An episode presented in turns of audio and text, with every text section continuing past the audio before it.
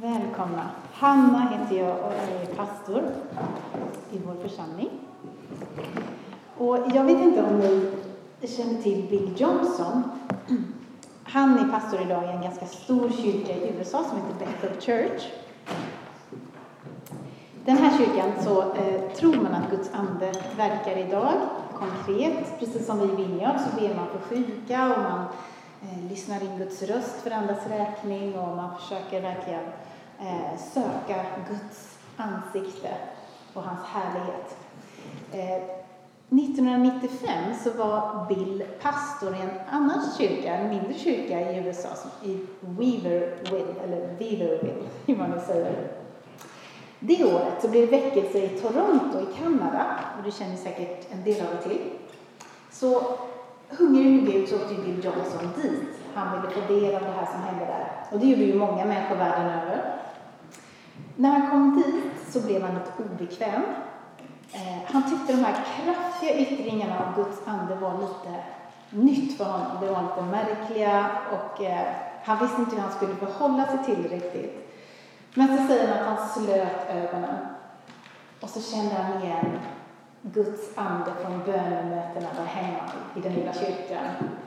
Och då slappnade han av. Då visste han att det här är Gud också.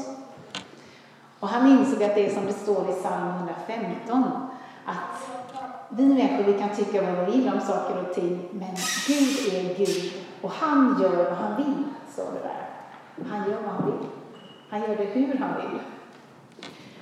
När Bill kom hem till sin lilla församling igen så förstod han att det fanns mycket mer att få. Mer av Guds närvaro, mer av Guds tecken och under. Bill började be. Han började be, Gud, jag vill ha mer av dig. Han bad dag och natt, sa han, och han höll på från februari till oktober med det här. Och han bad så mycket så att han väckte sig själv på nätterna av att han bad. Mer av dig, Gud. Så vaknade han klockan tre på morgonen av att han kände Guds kraft han kände som att det gick tusen volt av elektricitet genom sin kropp och han skakade kraftigt. Och han tänkte, vad är detta? Hans fru låg bredvid honom och sov. De hade en vattensäng så det, liksom, det låg verkligen och böljade fram och tillbaka där, men hon vaknade inte. Och han, ju mer han försökte spänna sig och kontrollera de här eh, ryckningarna, desto värre blev de. Och efter en halvtimme ungefär så kände han hur Gud sa, är du vill du verkligen ha mer? Är du beredd att ge upp din värdighet? Och efter den här halvtimmen ungefär så bara insåg han att ja, absolut. Så han sa, okej okay, Gud, du får allt av mig om jag bara får mer av dig i utbyte. Han hade blivit så gripen av Guds härlighet att han till slut verkligen var beredd att ge hela sitt liv, oavsett hur det skulle se ut i andras ögon. För när vi verkligen möter Gud, då är det så, det, det är så mättande, det är så tillfredsställande och det är så ljuvligt att vi inser att vi faktiskt, allt annat inte spelar någon roll. Han är allt som vår varelse behöver. Gud fortsatte att möta Bill på ett kraftfullt sätt. Han, han, hela den här natten, alltså resten av den här natten, så var den här eh, elektriciteten och även nästa natt och även en natt till efter det. Något avgörande hade hänt i Bills liv. Och så småningom så började de se saker hända i den här lilla församlingen också. Gud, Guds närvaro eh, blir mer påtaglig. En döv gammal dam som alla kände, hon fick sin eh, hörsel tillbaka plötsligt under en gudstjänst. En annan person som hade varit förlamad och suttit i rullstol i 38 år reste sig upp och hade blivit helad. Samtidigt så lämnade ungefär tusen personer församlingen. De klarade inte av att Gud hade blivit okontrollerbar för dem, tror jag. För märklig, för mäktig på något sätt. Som pastor så säger Bill att det borde ju tillintetgjort honom. Men faktum var att han brydde sig inte. För han hade mött Gud. Och nu vill han bara ha Herren och han fick göra vad han ville, bara det var Gud. Så att allt förändrades för Bill Johnson i det här gudsmötet som han hade haft. Det var nu det viktiga för Bill. Bara, bara Herren, bara vad han vill och hur han vill. Så småningom så vet jag att Beth, eh, den här församlingen, Bethel Church, som han kom till 96, den växte. Och idag är de ju, jag vet inte hur många, tiotusentals kanske. så det gjorde inte så mycket att de här tusen första försvann. Eller ja, det är klart tråkigt när de försvinner, men de gick mot en annan mer ordningsam kyrka kanske, vad vet jag? Jag hoppas det. Förra söndagen så predikade Per-Erik Berntsson eh, om uppståndelsen. En fantastisk predikan om bevisen för att Jesus har uppstått. Och vi har eh, spelat in den och vi kommer att lägga upp den på vår Youtube-kanal så småningom. Så, ja, den är uppe! Tack Fredrik, du är en klippa. Eh, den, titta gärna på den. Den var väldigt bra. Eh, och i 40 dagar, sa Per efter Jesus hade uppstått, så visade han sig lite här och där för sina lärjungar, en slags titutlek. Som för att vänja dem vid att nu skulle han vara hos dem på ett annat sätt, inte längre fysiskt. Och vi vet att efter 50 dagar så utgöt Jesus sin ande över lärjungarna i Jerusalem. Men Idag tänkte jag predika lite om den här mellantiden.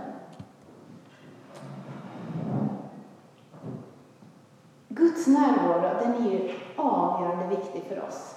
Det är den som liksom gör att vår tro inte bara är en religion, utan det är en relation. En relation till Gud, till en levande Gud, som, kan, som vi kan känna. Vi kan känna honom i oss, vi kan känna honom ibland i vår kropp, och vi kan höra hans röst i vårt inre. Det är en relation. Det är Guds ande som, som hjälper oss att lära känna Gud. Genom Guds andes kraft så kan vi få se sjuka människor bli friska när vi ber för dem. Genom Guds ande så kan vi få ett kärleksmöte med Jesus. Ett möte som förvandlar oss så att Jesus blir absolut viktigast för oss. Och det andra tappar sin betydelse i jämförelse. En människa som verkligen får ett kärleksmöte med Jesus, med den uppståndne, levande Jesus, blir aldrig densamme. Man blir märkt för livet av Jesus kärlek på ett sätt som påverkar hela mitt liv. Petrus var med om ett sådant kärleksmöte med Jesus, med den uppståndne Jesus. Och jag tänkte vi ska läsa om det här mötet och det är från Johannes evangeliet kapitel 21, vers 4-19. Tänkte jag läsa så långt? Ja, det tänkte jag. Nu blir det bibelläsning av. Slut ögonen och njut. Johannes evangelium kapitel 21, vers 4. Tidigt på morgonen stod Jesus på stranden. Ja, men förresten, jag ska sätta in er i berättelsen. När vi kommer in här i den här berättelsen så har ju Jesus, eh, så har Petrus och sex andra av Jesus lärjungar gett sig ut på en nattlig fisketur efter att Jesus har blivit korsfäst och, de har, och visat sig för dem. Så de vet att han har uppstått. Det är här vi kommer in i texten. Nu dyker Jesus upp ännu en gång och visar sig för sina lärjungar. Tidigt på morgonen stod Jesus på stranden, men lärjungarna förstod inte att det var han. Jesus sa till dem, Mina barn, har ni inget att äta? De svarade, nej. Han sa, kasta ut nätet på höger sida om båten så ska ni få. De kastade ut nätet och nu orkade de inte dra upp det för all fisken. Lärjungarna som Jesus älskade sa till Petrus, det är Herren! Och när Simon hörde det så drog han ytterplagget om sig, för han var inte klädd, och så kastade han sig i sjön och de andra lärjungarna kom efter med båten, i båten med fiskenätet på släp. Det var inte långt ifrån land, omkring hundra meter. När de kom i land fick de se en koleld och fisk som låg på den och bröd. Jag hoppar till vers 2. Jesus sa till dem, kom och ät. Ingen av lärjungarna vågade fråga honom vem han var. De förstod att det var Herren. Jesus gick fram och tog brödet och gav dem och likaså fisken. Jag hoppar in i det där. När de hade ätit så sa Jesus till Simon Petrus, Simon, Johannes son, älskar du mig mer än de andra? Han svarade, Ja, Herre, du vet att jag har dig kär. Jesus sa till honom, för mina lamm på bete. För andra gången frågade han, Simon, Johannes son, älskar du mig? Han svarade, ja, Herre, du vet att jag har dig kär. Jesus sa till honom, var en herde för mina får. För tredje gången frågade han, Simon, Johannes son, har du mig kär? Petrus blev bedrövad när Jesus för tredje gången frågade, har du mig kär? Han svarade, Herre, du vet allt. Du vet att jag har dig kär. Jesus sa, för mina får på bete. Jag säger dig sanningen. När du var yngre spände du själv bältet om dig och gick vart du ville. Men när du är äldre ska du sträcka ut dina händer och en annan ska spänna bältet om dig och leda dig dit du inte vill. Detta sa han för att ange med vilken död Petrus skulle förhärliga Gud, alltså korsfästelse. Sen sa han till honom, följ mig. Vad är det som händer här egentligen? Jesus har dött och uppstått igen. Han har besegrat döden. Och han har tagit straffet för mänsklighetens synd så att alla som tror på Jesus kan bli förlåtna och få en personlig relation till Gud och ett evigt liv. I kapitlet innan det här som vi just läste, kapitel 21, så står det att den uppståndne Jesus redan hade visat sig för lärjungarna två gånger. Och för Petrus hade han faktiskt visat sig tre gånger redan. Vid ett av de här mötena, eh, när Jesus visar sig för alla lärjungar, så säger han Som Fadern har sänt mig så sänder jag er. Jesus kommer snart att sända sin heliga Ande över lärjungarna så att de ska få kraft och de kommer gå ut i hela världen och vittna om att Jesus lever. Världen väntar på att få höra de underbara nyheterna om Jesus. Och här hittar vi lärjungarna på hajk. Varför? Det verkar som att Petrus efter Jesus död har tappat farten och han har gett upp sin kallelse att leda församlingen. Så han och några andra lärjungar tar sig en fisketur. Jesus hittar Petrus fiskandes vid samma sjö som tre år tidigare när Jesus hade kommit till Petrus och sagt Släpp allt och följ mig. Nu är Petrus tillbaka där fiskandes igen. Så vad gör Jesus när han hittar Petrus tillbaka vid fisket? Tillrättavisar han honom? Befaller han att han genast ska återuppta sitt uppdrag och skärpa sig? Nej. Jesus gör upp en koleld och lagar frukost till Petrus och de andra. Ordet för koleld används bara en enda gång i Nya Testamentet, en, ytterligare en gång. Och det är kolelden på översteprästens gård, där Petrus förnekade Jesus tre gånger. Jesus verkar alltså vilja knyta an till anledningen till att Petrus har gett upp sin kallelse och börjat fiska igen. Petrus stora misslyckande. Petrus som hade vandrat med Jesus i tre år och sett otroliga under och tecken. Petrus som Jesus hade utsett till att vara ledare för församlingen. En klippa. Petrus som hade varit med Jesus på förklaringsberget och fått se honom förvandlas till den Gud han faktiskt var. Han verkligen var. I all sin härlighet hade Petrus fått se Gud själv i Jesus. Petrus som hade bedyrat sin lojalitet till Jesus ända in i döden. Det var den Petrus som efter att Jesus hade fängslats inför fullt med folk hade förnekat Jesus. I Matteus evangeliet så står det att Petrus till och med svor och förbannade och sa jag känner inte den mannen. Han är inget för mig. Vilket enormt misslyckande. Vilket svek. Han som skulle vara klippan som Jesus skulle bygga sin församling på, han kände sig nog mest bara som en grushög. Ändå ser vi hur Jesus söker upp för att ge honom upprättelse och för att förnya hans kallelse. För det är inte vår förmåga eller vår framgång som Jesus är intresserad av.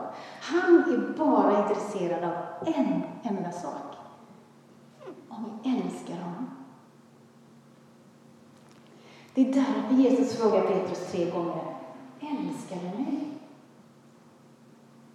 För kärleksrelationen till Jesus, det är grunden för det sant kristna livet. Det handlar inte om hur stora ord vi kan leverera eller hur, hur fantastiska saker vi kan producera. Det handlar inte om hur fantastiska andra tycker att vi är. Det kristna livet handlar i grund och botten om vi har upptäckt hur mycket Jesus verkligen älskar oss. Och om vi har fått göra en egen erfarenhet djupa kärlek till just mig. Det kan vi bara få i ett personligt möte med Jesus. På fråga från den tiden mest bibelsprängda religiösa, en så kallad laglärd, om vilket bud som är störst i Guds lag, alltså vad som är viktigast, så svarar Jesus, du ska älska Herren din Gud hela ditt hjärta, av all din själ, av hela ditt förstånd det är det första, största, viktigaste budet. Du ska älska. Åh oh, nej, kanske du tycker nu. Ännu ett krav. Men det är det inte. För kärlek till Jesus, det är inget som vi kan producera i oss själva. Vår kärlek till Jesus, det kan inte vara något annat än ett gensvar på att vi själva har fått möta Jesus kärlek, för att vi själva har fått känt den på riktigt. För Jesus är kärleken själv, står det i Johannes första brev. När vi möter Jesus så kan man inte annat än att älska honom. I första Johannes brev kapitel 4 och vers 7 till 8 så står det att kärleken kommer ifrån Gud för var och en som älskar är född av Gud och känner Gud. Den som inte älskar har inte lärt känna Gud, för Gud är kärlek. Lite längre fram så står det i vers 18 att det finns ingen rädsla i kärleken, för kärleken driver ut rädslan. Är vi rädda? Är vi defensiva? Eller är vi lamslagna i vår kristna tro och liksom är kristna undercover på vår arbetsplats? Då har vi ännu inte riktigt fattat hur djupt Jesus älskar oss. Det är precis som med Petrus. Han hade ännu inte fattat med vilken typ av kärlek Jesus älskade honom. För många gånger så säger Jesus att, eller människor att de älskar. Oh, hello, I love you, thank you, säger man på konserter när man är artist och influencers säger bara, jag älskar dig, puss och kram till miljontals följare de aldrig har sett överhuvudtaget. Till en liten 13-årig tjej i liksom, ja men vad vet jag, i Falun liksom. Det är inte kärlek. De bryr sig inte om sina fans för deras skull. Men Jesus däremot dör för sina följare. Det är kärlek. I Johannes, eh, första Johannesbrevet 4.9 så står det ungefär så här att så uppenbarades Guds kärlek för oss. Alltså så kan vi förstå att han älskar oss. Han sände sin enda son till världen för att dö för oss, så att vi skulle få leva. Detta är sann kärlek, står det. Inte att vi har älskat Gud, utan att han först har älskat oss och låtit sig korsfästas för oss. Jesus dog för oss medan vi fortfarande inte ville ha med honom att göra. Samtidigt som Petrus förnekar Jesus, står och svär och förbannar på gården vid kolelden, så förhörs Jesus och piskas och blir slagen samtidigt. Och sen korsfästs han. Sådana är vi. Och ändå vill Jesus ha oss. Bara några dagar innan korsfästelsen så hade Jesus i kapitel 13 i Johannesevangeliet sagt till lärjungarna att han inom kort måste lämna dem. Och så gav han dem ett nytt bud, att de skulle älska varandra så som han älskade dem. Då förstod inte Petrus och lärjungarna fortfarande med vilken kärlek Jesus menade, tror jag. De förstod ännu inte liksom vad han var i begrepp att göra för dem. Att han som var Gud själv skulle lägga ner allt och bara dö för dem. Så att de skulle få leva. Istället så ifrågasatte bara Petrus vart Jesus skulle gå och varför inte han kunde följa med. Och så sa Jesus, ja men dit jag går kan du inte följa mig nu, men längre fram ska du få följa mig. Då svarade Petrus impulsivt att han visst kunde följa Jesus och att han skulle ge sitt liv för honom om det så krävdes. Ska du ge ditt liv för mig? svarade Jesus. Och vi vet att samma natt så är det istället Jesus som ger sitt liv för Petrus. Jesus läggs i en grav och Petrus får några mörka dagar konfronteras med sin egen synd, sin egen brist, sin egen mänsklighet. Men Jesus uppstår och visar sig för Petrus och lärjungarna. Men Petrus är fortfarande lamslagen av sina stora ord och sitt djupa svek. Så nu kommer den uppståndne Jesus till Genesarets sjö för att möta Petrus personligen. Jesus vill visa Petrus att han fortfarande älskar honom. Att han fortfarande vill ha honom som sin lärjunge. Och Petrus får lära sig att han för att bli en verklig lärjunge först måste förstå, eller behöver förstå, Jesus djupa kärlek till honom. Innan dess så hade Petrus följt sina egna impulser. Han var en ganska impulsiv kille. Han hade tyckt att han visste bättre än Jesus och han hade avrått Jesus från att ge sitt liv. Jag är så glad att Jesus inte gick på, den, på det rådet. Petrus hade somnat i ett semane när Jesus hade sagt att han skulle vaka och be med honom. Och när vaktstyrkan kom så hade Petrus huggit av örat på en av vakterna. Så att Jesus hade fått ställa det till rätta och hela örat så att det kom tillbaka igen på huvudet där. Petrus hade försökt vara heroisk och tjäna Jesus i egen kraft. Och det hade totalt havererat. Så Jesus offrar sitt liv för Petrus medan han sörjer över sitt eget misslyckande.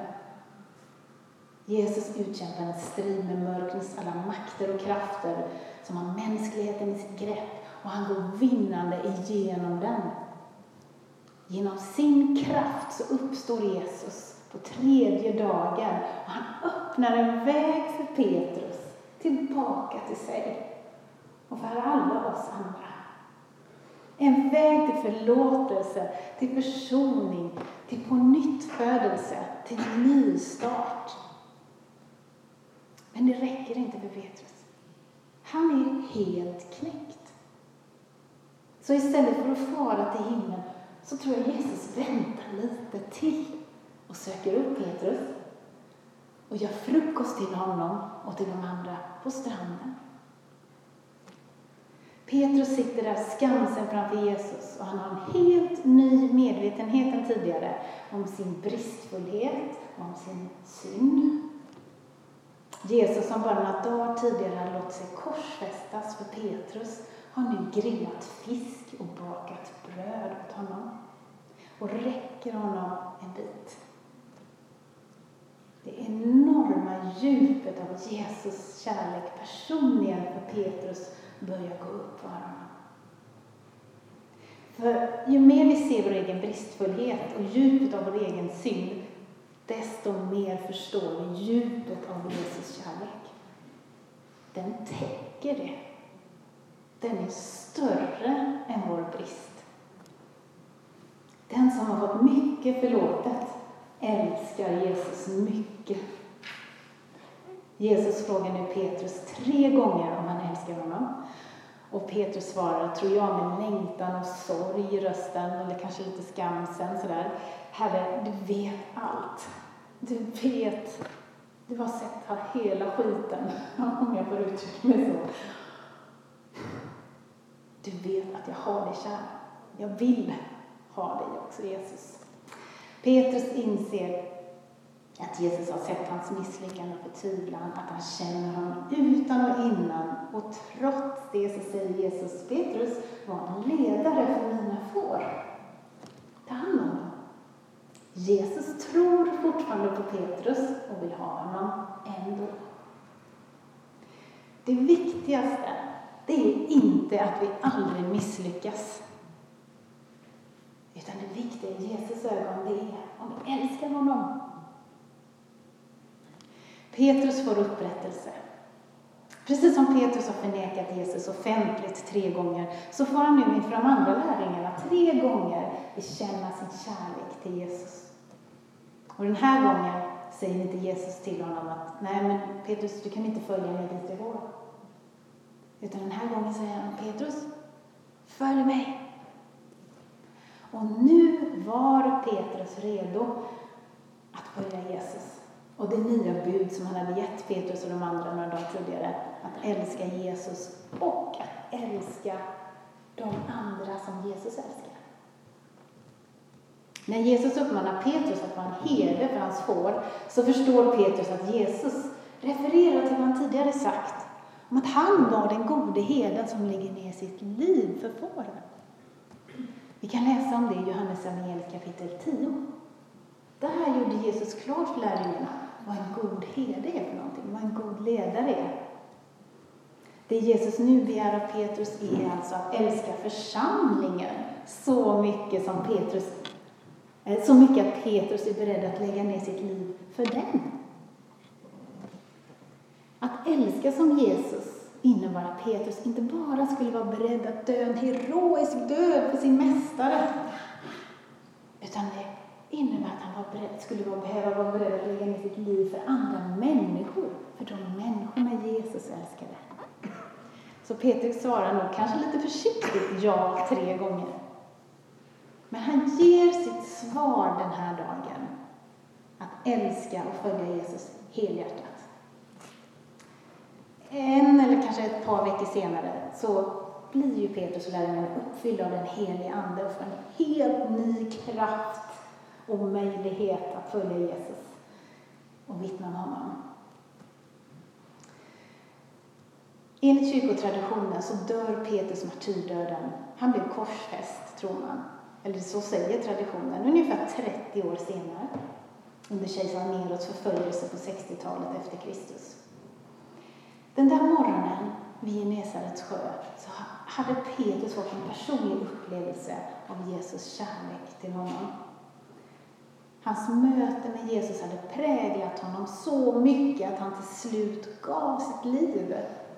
Inte bara för Jesus, utan också för hans älskade kyrka, för församlingen. Förutsättningen för att följa Jesus helhjärtat, det är att vi älskar honom Älskar vi Jesus så älskar vi varandra i församlingen. Oavsett om några föredrar te istället för kaffe, eller några vill ha gröna gardiner istället för gula. Eller att jag kanske inte gillar lovsången på det här viset, eller den här typen av lovsång. Vi älskar dem ändå. Älskar vi Jesus så älskar vi att vara nära honom. Och vi vill vara där han är. Är Jesus bland de fattiga eller små och utstötta, då vill vi vara bland de fattiga och små och utstötta. Allt annat än att ha Jesus och vara precis i hans vilja framstår som meningslöst. Vi börjar älska och söka efter dem som ännu inte har förstått vem Jesus är. Vi börjar älska de som går förbi här ute på trottoaren. Vi börjar längta efter att de ska få upptäcka Jesus de med. Men hur kan vi göra det här personliga mötet med Jesus? Det ser nog lite olika ut för oss. För Gud vet att vi är unika och han är kreativ. Alla behöver inte åka till Toronto för att vara med i ett livsförvandlande möte med Jesus, som Bill Johnson gjorde. Jag har aldrig varit i Toronto. Själv upplever jag lättast att jag möter Jesus när jag går undan mig själv.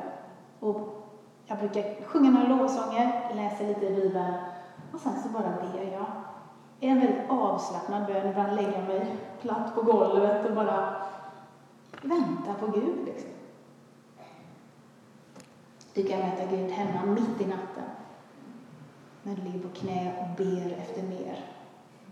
Du kan möta honom i bilen när du stänger av motorn och tyst söker hans ansikte. Du kan möta Jesus här idag.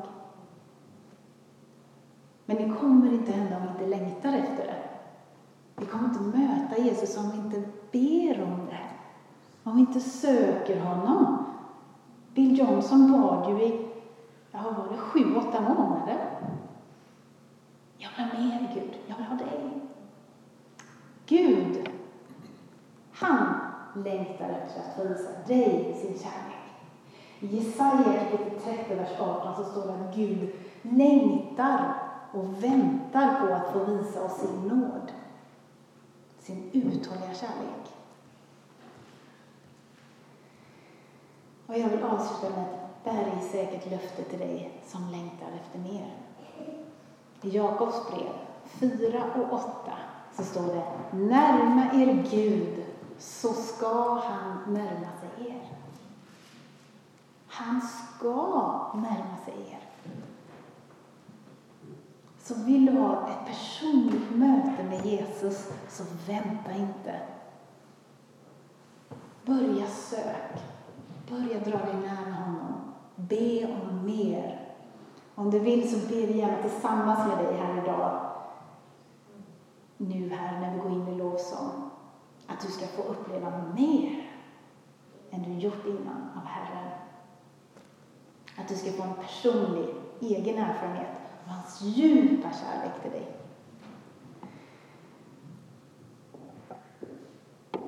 Herre Jesus, jag tackar dig för att du är här. Du är här därför att du har uppstått och att du lever. Jag ber att du kommer, helige Ande.